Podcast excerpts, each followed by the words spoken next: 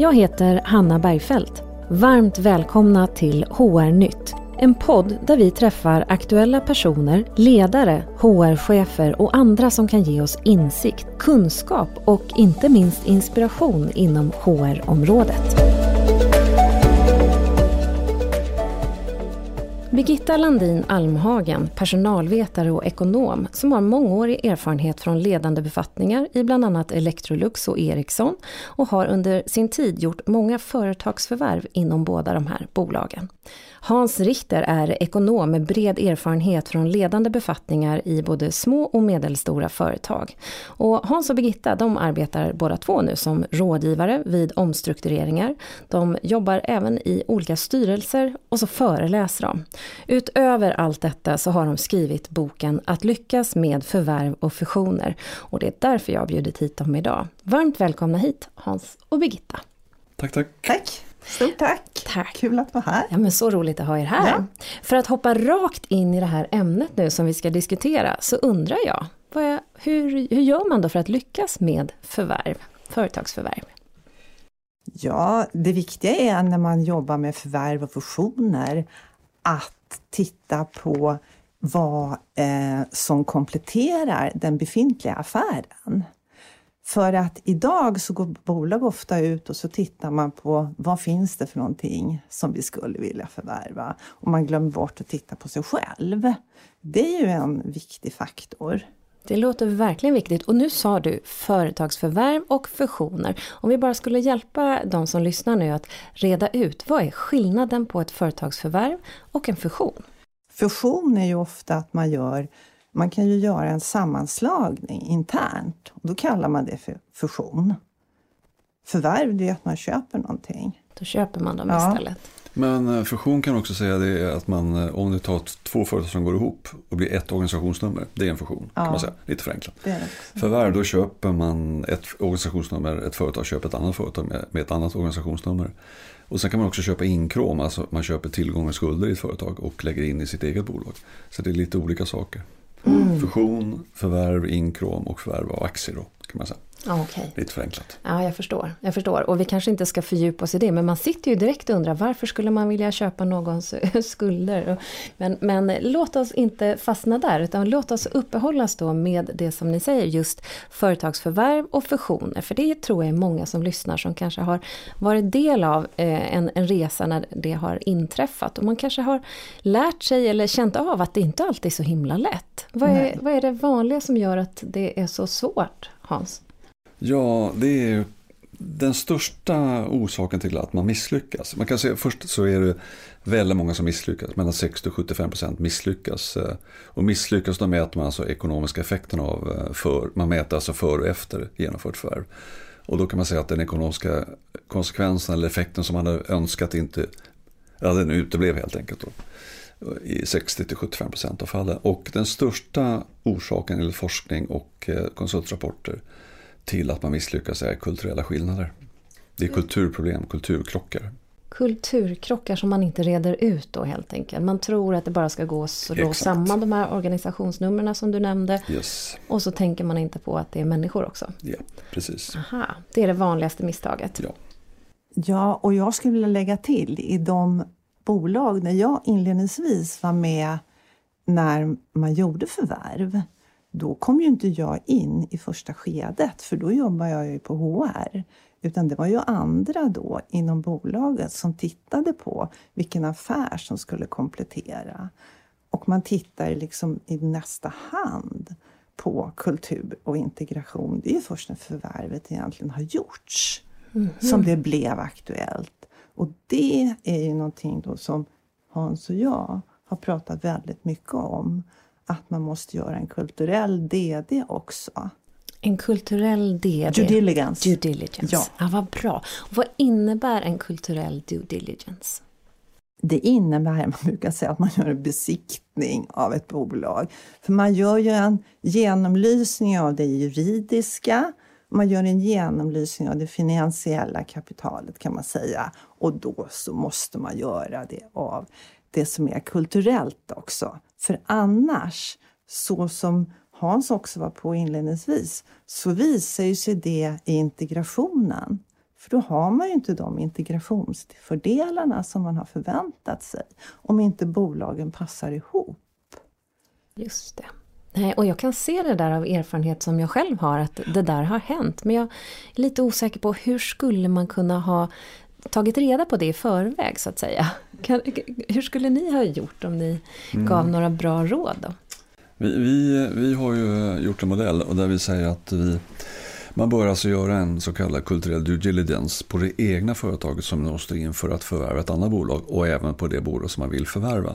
Och så gör man en gapanalys när man jämför de här två så att säga, kulturella eh, parametrarna eller kulturella eh, eller kulturen i de här två bolagen, försöka jämföra dem med varandra. Och sen i vår modell försöker vi också komma fram till vad är risken för att det uppstår kulturkrockar. Och det kan man göra i förväg innan man skriver på papperna att man nu ska gå ihop så säga, mm. eller köpa. Vad kan, vad kan, det vara för typ av frågor som man ska gå igenom då till exempel? För jag antar att det landar på en HR-avdelning? Ja. ja. Och det är då områden som handlar om kompetens. Värdering är ju jätteviktigt. Det handlar om ledning, ledarskap. Vad har man för processer i bolagen? Organisationen, hur är de uppbyggda? Och sen så har man ju egentligen det mest basala som vi kallar för personaldata. Det som alla egentligen tittar på i en DD. Det som handlar om löner, ålder, anställningstid, sjukfrånvaro, alla de bitarna. Men det som visar sig ha störst betydelse det är ledarskap och värderingar. Men också organisatorisk styrning. Det är det som ofta gör att det inte blir en bra matchning vid integrationen. Den är svår. Och hur tar man reda på vad är det för ledarskap hos det här bolaget som vi för, förväntar oss att köpa? Hur kan man ta reda på det? Ja, det, ofta har man gjort eh, så kallade medarbetarundersökningar i, i företag. Det är ju nästan standard att man gör det i, i nästan alla företag. Eh, en, minst en gång per år. Och i de här medarbetarundersökningarna får man fram väldigt mycket fakta och data om de här eh, aspekterna, de här frågorna. Och, och, det är ju det som vi hävdar att man ska kunna använda mycket mer i en kulturell DD. Att man använder den information och den data som finns i medarbetarundersökningarna och försöker jämföra dem med varandra. Så att säga. Men vi har också gjort, eh, vi har liksom gjort också en, liten, en modell som är lite förenklad. Alltså vi har 36 påståenden inom de här sju områdena som vi då hävdar man bör undersöka. Som Birgitta sa, bland annat då kompetens, eh, organisationseffektivitet, eh, ledarskap, eh, medarbetarskap och så vidare. Och de påståendena kan man då fylla i en krysslista och så jämföra med varandra. Så och så får man fram en totalpoäng. Eh, eh, där vi liksom har lagt fram någon slags vägd risk av finansiella konsekvenser och risken för att kulturkrocken uppstår. Och så får man fram en poäng. Och den här poängen är ju inte exakt men det är i alla fall ett sätt att försöka kvantifiera risken för att det uppstår en kultur. så att säga. En kulturkrock. Ja. Jag förstår och det, det är det här som HR sliter med lite generellt att det är svårt att göra mjuka ämnen mätbara. Ja. Men de har i alla fall gjort ett försök att göra det mätbart och jämförbart. Om man då sitter i ett läge där man ser att okej okay, det här skiljer sig ju alldeles eh, väldigt mycket. Vad, vad gör man då? Vad är nästa steg? Ja, det är den sitsen som jag har suttit i då ja, antal gånger. Ja. Man blir frustrerad. För att man ser ju att man kommer in för sent och att man har väldigt svårt att få den effekten som man önskade när man gjorde förvärvet. Men vet man om vissa av de här faktorerna innan så kan man göra en plan, har Hans och jag skissat på då. Så att när man har tittat på det här så tittar man på risken, eller man tittar på en gapanalys och så ser man risken och sen kan man utifrån det då ta ställning till vad kan vi nu göra för att eliminera detta och vad skulle det kosta? Och det är precis det här som man sen lägger in i den kulturella due diligencen och som sen får bäring på priset man kan bjuda på bolaget. Ja men det är ju klart. Då, får man ju, då kopplar man ju ihop allt. Ja. Jag förstår. Men jag, jag, kan också förstå då Birgitta att du har varit frustrerad. För det är ju så typiskt att man, man får det där när allt är klart. Mm. Ja. Det, det, jag antar att du har suttit i sådana ja. situationer ganska många gånger. Du nickar ivrigt och det är också det som gör att ni kanske har skrivit den här boken. Mm. Ehm, och har ni varit med i tillfällen där man faktiskt har gjort på det här sättet och, och liksom nått framgång med det goda exemplet? Att HR fick vara med lite tidigare och man kunde göra en kulturell DD som ni säger. Det är ju ja. egentligen nu på senare ja, år. Ja. Vi har varit med om tvärtom. ja. Nej, lite skämtsamt. Men, men jag kan dra ett annat case där alltså, vad som hände var att eh, det blev så stor risk för kulturkrock så man avbröt förhandlingarna helt enkelt. Alltså det, det fick vi fram också och då gick man ju inte in i en, en process att försöka slå ihop de här företagen för det skulle kosta alldeles för mycket pengar. Med, med den risken som låg för kultur, kulturkrockar. Det är en, wow, ett det fall som jag varit med om. Det är ju faktiskt ja, det är ju, väldigt intressant ja, det det att man faktiskt. vågar avbryta. Ja, för det är ju, då har man ju verkligen satt ett värde på, på den risken. Det är ju jätte... Men vi har också varit med om eh, positiva saker. Eh, eh, jag tänker på det här företag som vi tillsammans satt i styrelsen tillsammans. Mm. kan man ju säga är ganska positivt mm. exempel. Mm. Nu får du gärna berätta mer. ni behöver inte berätta vilket bolag det är men ni får, om, ni får om ni vill. Men berätta, Nej, vad, var det som var, berätta vad det var som gjorde att det blev så bra då, som en sån här lyckosam historia. Ja, men det tror jag var att det förvärvande bolaget eh, tog, eh, tittade igenom bolaget som de förvärvade och såg vilka fördelar som fanns där. Och sen då i integrationen så nyttjade de de organisatoriska fördelarna och medarbetarna. Bra. Vad kunde det ha varit för typ av fördelar bara som man ska vara lite tydlig?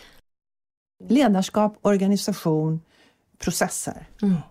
Att det kan fanns man säga. på plats Det där. fanns ja. i det bolag som de ja. köpte. Ja. Och bolag som eh, köpte det här andra bolaget hade inte lika bra processer och inte så bra personer inom administration. Mm. Vad bra. Så man, kan säga man, här, man kan säga att det här bolaget har byggt upp ett väldigt starkt strukturkapital. Ja. Alltså. Det var väldigt bra. Mm. Alltså, handböcker, processer, ja. dokumentation, allt det där var liksom på plats. Mm. Och det andra företag som köpte det här hade inte det på, på samma sätt. Så, Nej, så det blev bra. väldigt bra på det sättet. Man använder varandras styrkor egentligen ja, så som man kan jobba i team. Så, ja. så gör man så med bolag också. Men, men eh, så, så härligt att höra att det faktiskt går. Ja. ja. Ja, jag, jag, tycker att det... Jag, jag, har inte överdrivet mycket erfarenhet av det, får jag ju säga. Men de erfarenheter jag har, så har det nästan alltid blivit att det blir någon form av storebrorskomplex och lillebror, eller lillebror och, och storebror. En äter upp mm. den andra och så mm. går det eh, medarbetare som muttrar lite grann. Och, Eh, och man kan inte riktigt ta på varför sådär men det finns någon, någonting som påverkar att det nästintill aldrig blir riktigt jämbördigt på något vis. Nej. Um, jag har svårt att sätta fingret på vad det kan vara. Nej, många förvärvare har just den här avsikten med att köpa ett annat bolag, att de köper något som är sämre och som de vill göra bättre. Mm. Och därför sätter de sig på sina höga hästar tyvärr. Och det känner ju de som blir förvärvade att de anser sig själva vara lite för mer och då blir det ju kulturkrockar, och blir ju liksom distans och Just automatiskt. Det kan man, kan man ju se mycket när man jobbar i teknologiföretag. Att om då den här stora teknologiföretaget köper ett litet garageföretag mera där de verkligen de, är, de sitter och jobbar halva nätterna, höll jag på att säga, och verkligen är dedikerade till det här och sen kommer man in i det stora bolagets organisation där det är andra saker som gäller. Det är hur tiden man arbetar, man ska vara ledig vissa dagar, man har vissa arbetstider, viss organisation, det är vissa regler som gäller. Då tappar man kanske lite av innovationskapaciteten. Mm, glöden, tänker jag. Ja. ja. Jag förstår. Mm. Och, och då tänker jag, om man nu skulle vara ett bolag som står inför ett förvärv och så läser man er bok och man tittar på den här mm, bra checklistan eller, mm. som du nämnde Hans, man kan titta på och, och värdera de olika delarna. Man jämför och ser att jo, men det här kan nog ändå bli en lyckosam fusion eller förvärv, eh, låter jag vara osagt. Eh, och så kör man på. Mm. Vad är de vanligaste hinder som man brukar möta sen när man börjar liksom sin, sin integration av, av varandras verksamheter och hur kan man komma runt det? det? Det värsta som ofta händer är ju att nyckelpersoner slutar. Och det är oftast de bästa som slutar först för de hittar jobb snabbt. De är missnöjda med någonting och så går de.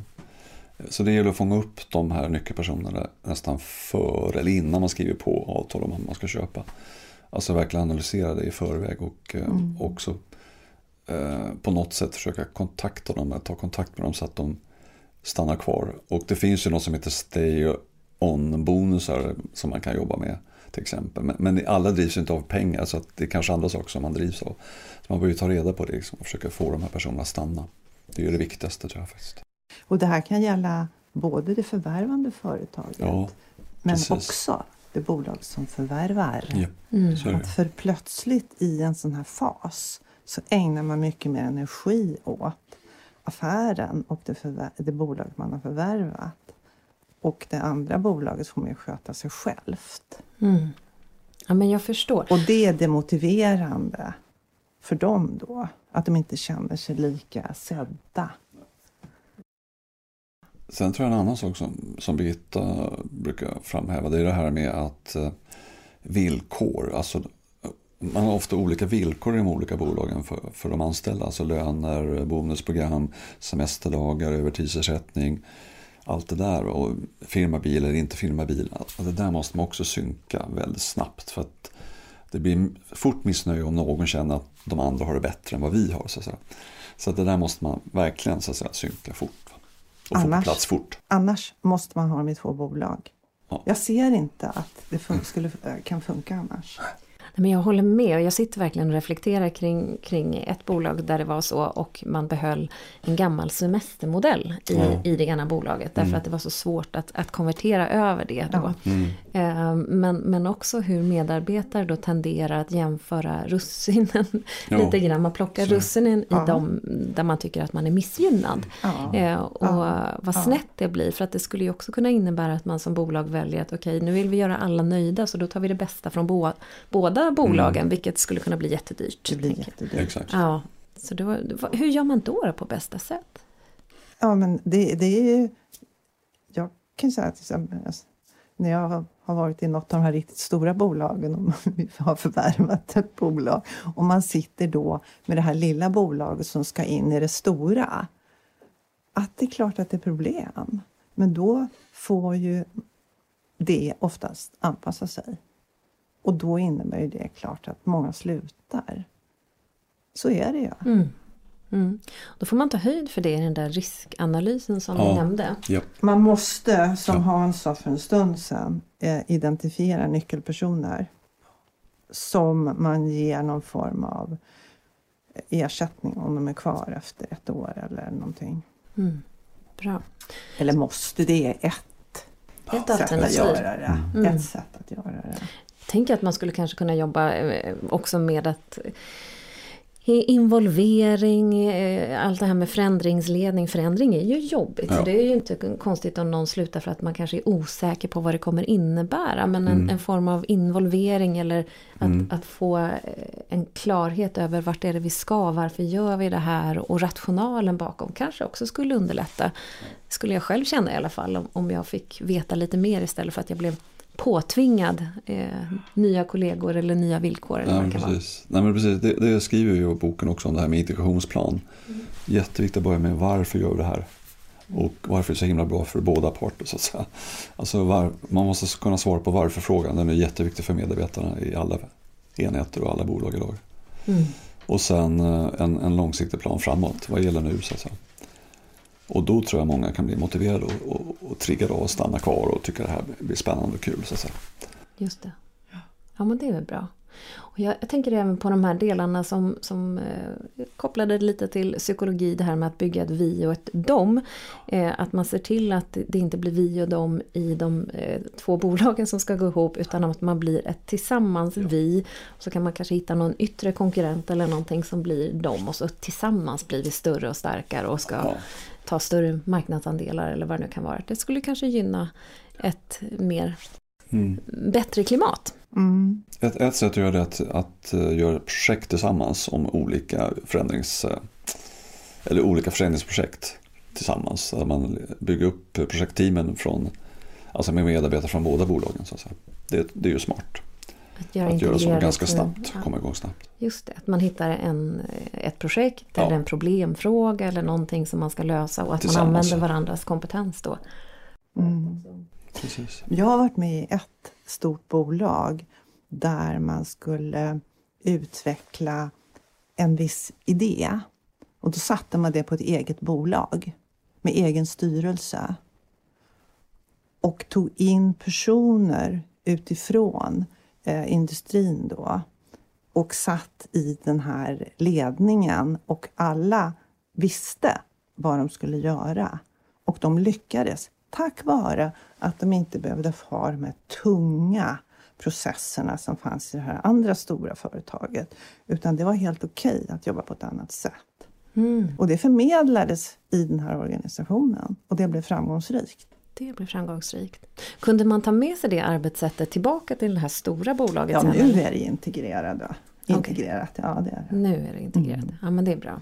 Och för att göra någon form av delsummering då, då tänker jag så här att, att som HR-funktion komma in i processen tidigare innan allting är signat och, och klart.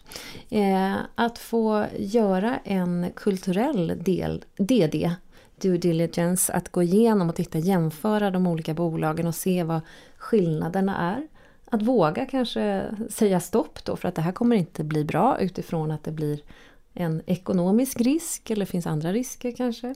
Men att man åtminstone gör en, en riskberäkning för vad den här integrationen, fusionen, förvärvet, kalla det vad ni vill, eh, skulle innebära. Det är väl jättebra. Och mm. när man sen då kommer i, kommer fram till att vi ska göra det här ändå mm. så är det att lägga en integrationsplan och titta på sådana saker som kan skapa skav brukar jag prata om. Och det, det kan ju vara sådana saker som villkor. Men innan dess eh, också titta på nyckelpersoner som man kan riskera att tappa och säkerställa att de är med på tåget. Och, och det kan man göra dels via sign-on, inte sign-on, det är något helt annat, stay-on bonusar yes. till exempel. Eller eh, att jobba med den här bilden, vart är det vi ska tillsammans ja. och, och, jobba med involvering. Ja. Mm. Bra. Fick vi med alla delar där nu eller missade jag någonting? Det kändes som att det... Ja, villkoren också. Personaldata ja, på plats snabbt. Snabbt. Ja. Villkoren på plats. Ja, just det. Det, det känns.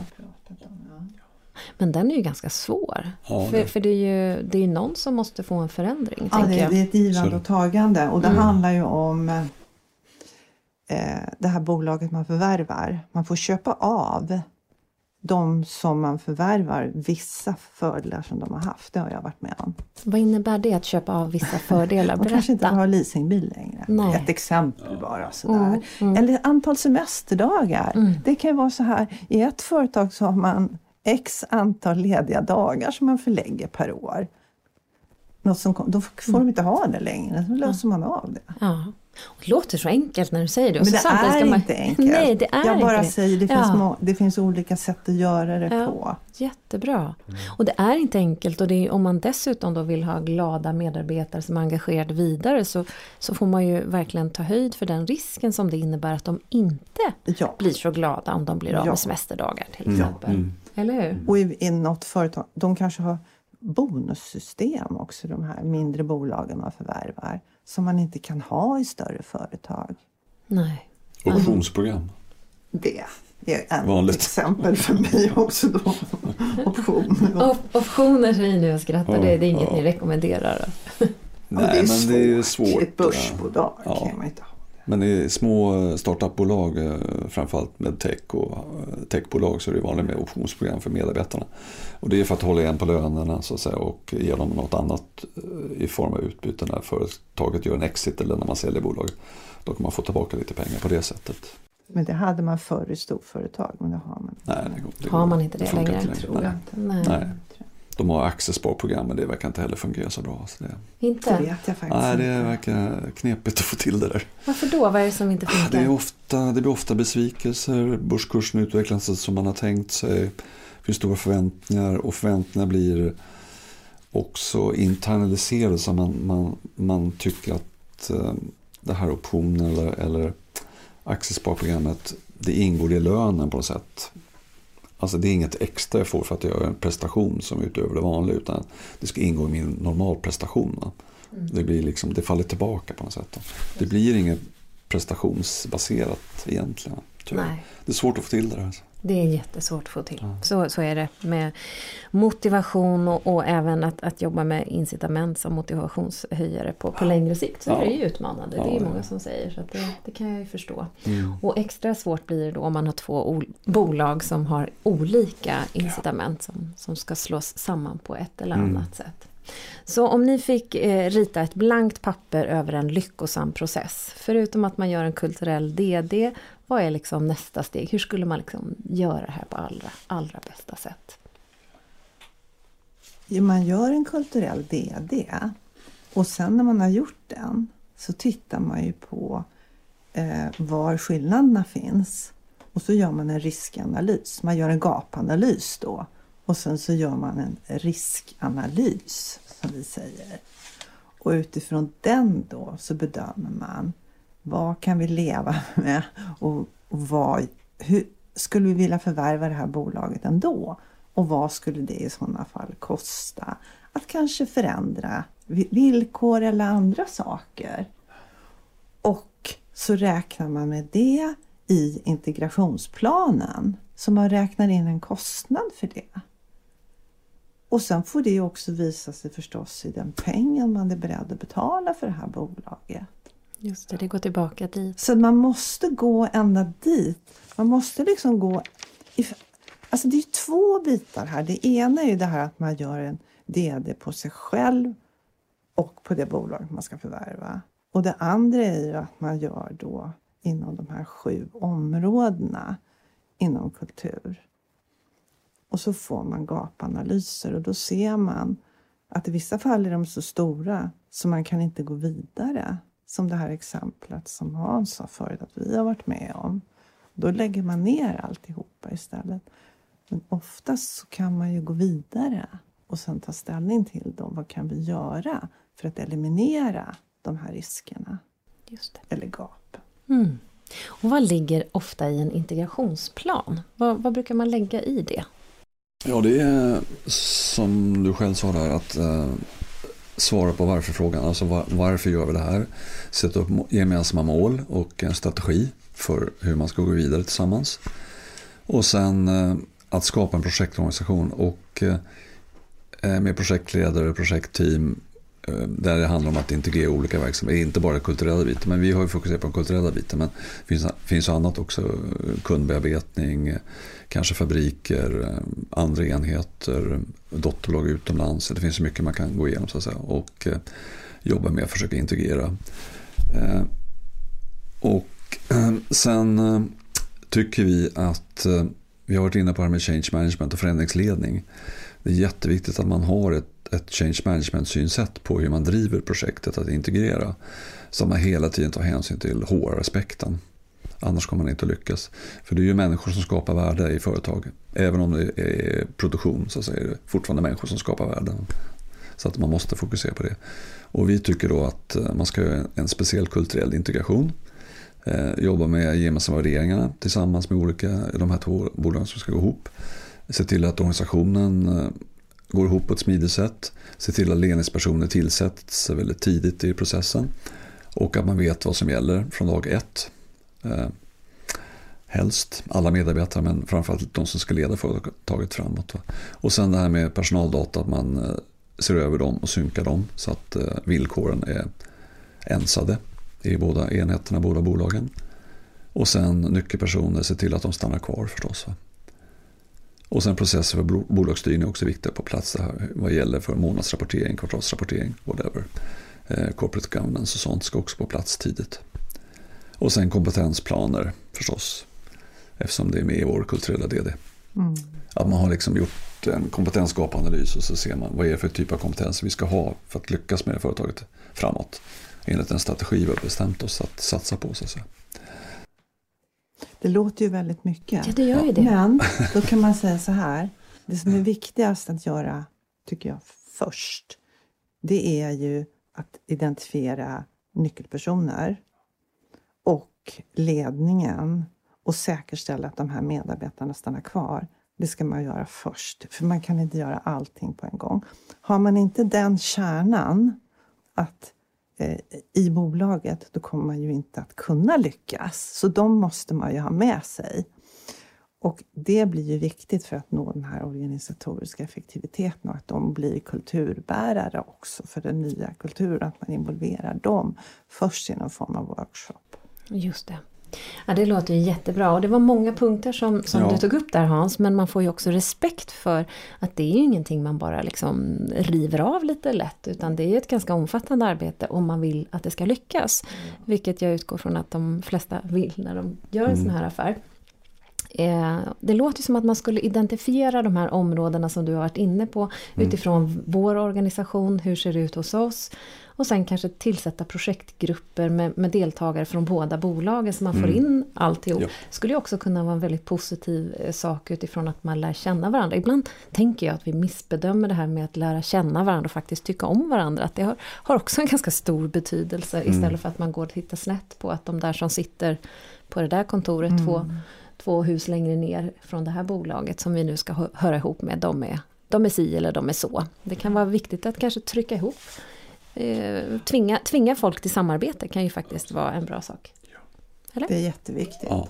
Ja. Är, för att det här med gemensamma värderingar, det är ju kittet. Mm. Och det måste man ju försöka skapa tidigt. Mm. För annars så går man ju inte så här ihop. Nej, Nej just det.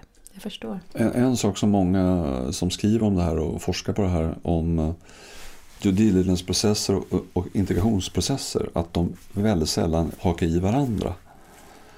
eh, när man är klar med DD-processen så går juristerna och revisorerna hem och är glada och nöjda och skickar fakturan. Och sen sitter projektteamet där som ska gå med integrationen och eh, jaha. Och den information som kommer fram i DD-processen används inte sen i integrationsprocessen. Och det tog, tror jag också är väldigt viktigt. Och det tycker jag vi försöker fokusera på här. Att vi säger att man ska börja med väldigt många av de här kulturellt eh, orienterade processerna innan man skriver på avtalet. Så, och så att man får in informationen från deden in i integrationen. Så att det blir hoplänkat på ett bra sätt. Mm. Det låter ju givet när du säger ja, sådär, men jag kan ju också, jag kan också se att det, ja. det finns eh, ett glapp där säkert ja, allt för ofta. Mm. Det är det mm. faktiskt. Mm. Ja. Konstigt nog. Vad är vanligt att man missar i övrigt, förutom de delarna? Finns det andra delar som är viktiga eller som är vanliga att man missar just integrationsdelen? Misstag som företag gör förutom att man inte tar med sig input från DD. Är det något annat sånt där klavertramp som ni kan dela med er av? Som... Man bråkar om IT-systemen. Bråkar man om IT-systemen? Man bråkar ja. om dem. Ja, ja, ja. Vilket är bäst? Vilket är bäst? ja, är bäst. just det. Det, det man är van mycket. att jobba med kanske. Ja, det är mycket bråk om det. Och jag var med i ett bolag som köptes av ett annat och som fick behålla sitt löne och ekonomisystem. Och det var förödande.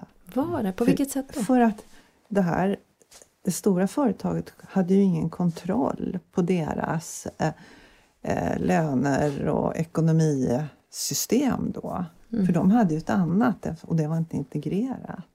Aha, okay. Det tror jag är mm. förödande. Mm. Just det. Eller tror, det var förödande. Det var förödande, ja, jag förstår. för man behöver ju stöd och hjälp också när man kommer ny. Samtidigt så är det ju väldigt arbetskrävande. Det vet ju du som jobbar på ekonomisidan. Mm. Med eh, samordna ek ekonomiska bitar.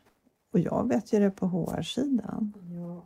Mm. Visst, byta lönesystem är ju inget man bara gör sådär på en vecka. Nej, så det är ju nej. klart eh, utmanande. Ja, precis. precis. Mm. Så att, och idag är det inte bara de affärsstödjande systemen som är de viktiga och det är de ja. som, som oftast man är van vid att arbeta vid. Så ska man helt plötsligt byta. För man är kanske bättre på andra sidan. Så det blir väldigt mycket konflikt om det. Mm. Jag vet ett bolag som eh, eh, hade som policy när de gick ihop med andra eller köpte andra bolag. Så hade, skapade nya projekt för att tillsammans ta fram nya IT-system. Det var ett sätt att försöka integrera de här företagen så fort som möjligt. Och då sa man nej till vardera, alltså var de egna systemen. Så det här kommer inte funka, vi måste skapa ett nytt tillsammans istället. Och det har gått bra faktiskt. Det var bra, då fick alla samma yep. förändring. Så att ja, säga. exakt. Precis. Yes. Mm. Ja, men det är smart. Smart, men det kostar ju en slant. Ja, och det kan ta tid. Det tar tid. tid ja, exakt. Tid och kostnad. Ja. ja. men, det är det... hela tiden det man måste tänka så. Eh, för man, men man vill ju ha så bra output som möjligt och det kanske är det bästa i vissa fall. Hur lång tid ska man räkna med att en sån här integrations process eller en sån integrationsfas pågår? Liksom månader, år eller när, när kan man liksom säga att nu är vi ett bolag och nu hör vi ihop? År i alla fall. År är det. Eftersom det måste ju vara ett budgetår och ett så. Och det här, man kan inte säga det, att det är x månader för det handlar om hur stort bolaget är som ska gå in i ett annat. Eh, eller om det är två som de ska gå in på liksom har lika stor impact på hur det blir så tar det kanske längre tid men det kanske blir bättre. Mm.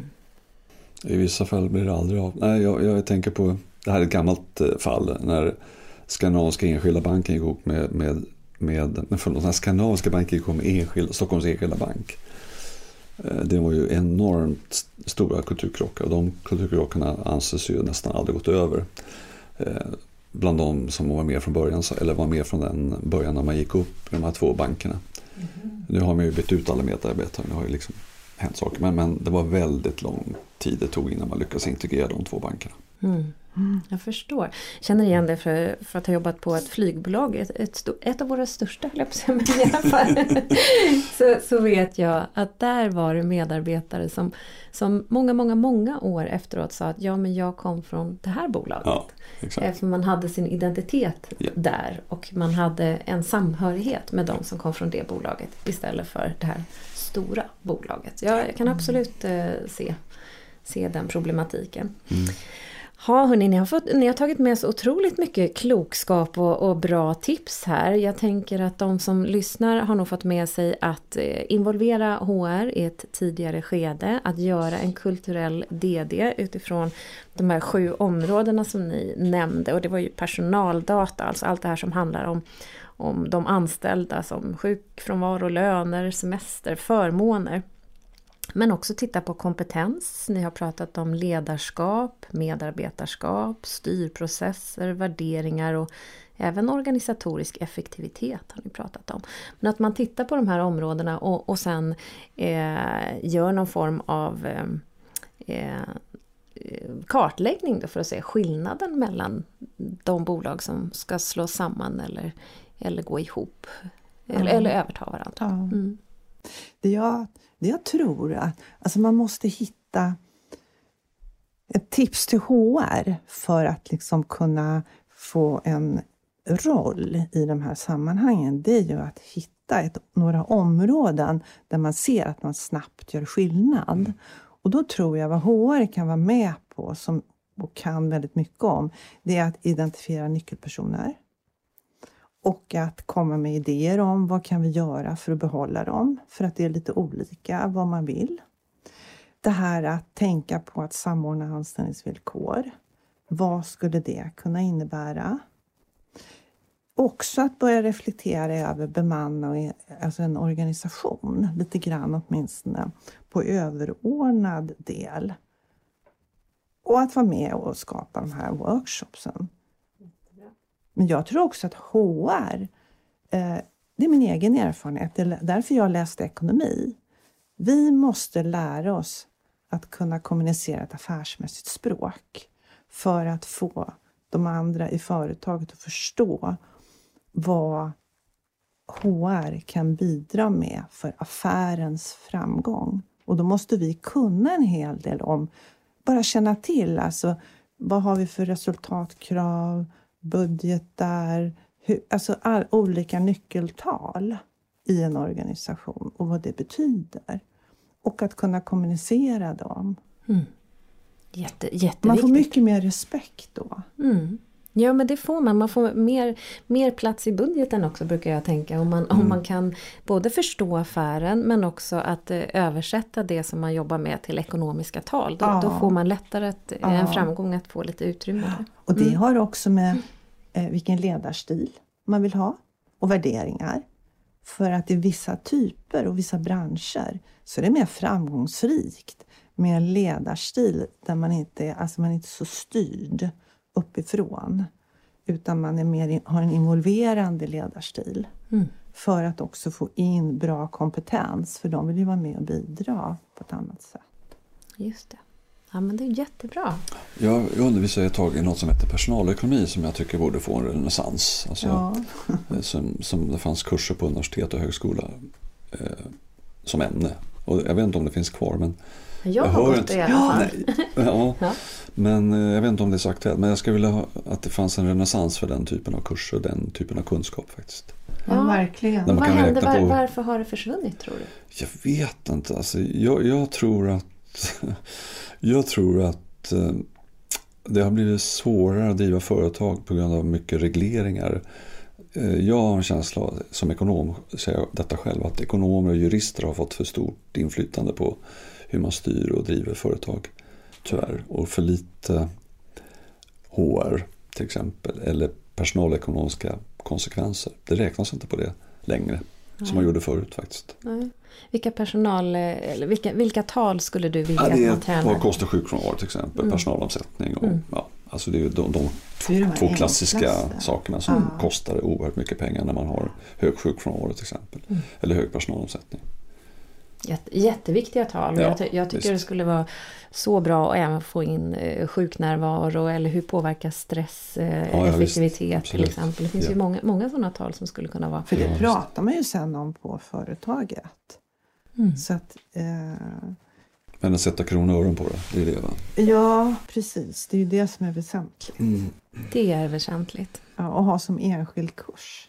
Mm. Vore bra. För att det ingår ju i personalvetarutbildningen. Och hur man räknar ut det. läser man ju.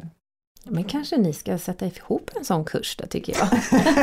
Va? Kanske det. Ja, varför inte? Jag, jag lobbar nu för att nu är det välkommen till Hans Birgittas eh, personalekonomikurs. Ja, ja, ja nu, nu, nu skickar vi ut en anmälningslänk. Nej, jag, jag, har, jag har ingen anmälning.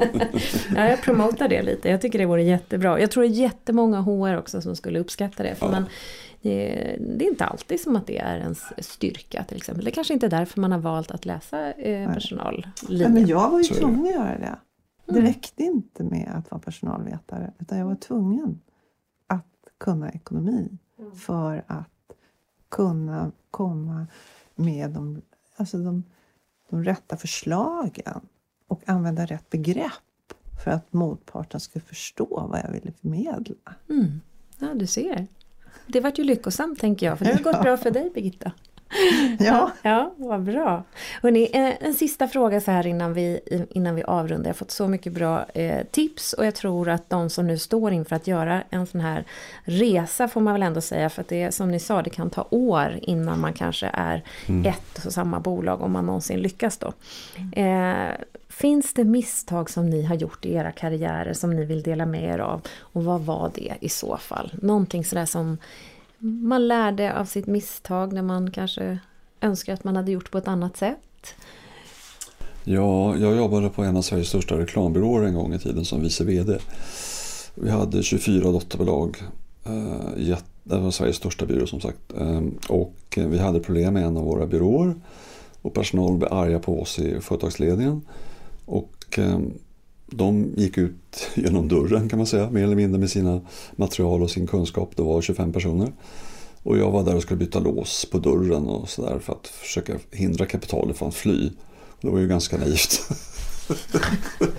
Fysiskt? Fysiskt, ja, precis. Och nu skrattar du, det måste ja, vara en hemsk nej, det var, upplevelse. Det var ju ganska, ganska, ganska dråkigt när man tänker efter. Så mm. Och då förstod jag att just det här med det intellektuella kapitalet, alltså det som finns i huvudet hos medarbetarna, det är ju egentligen det som är det viktiga.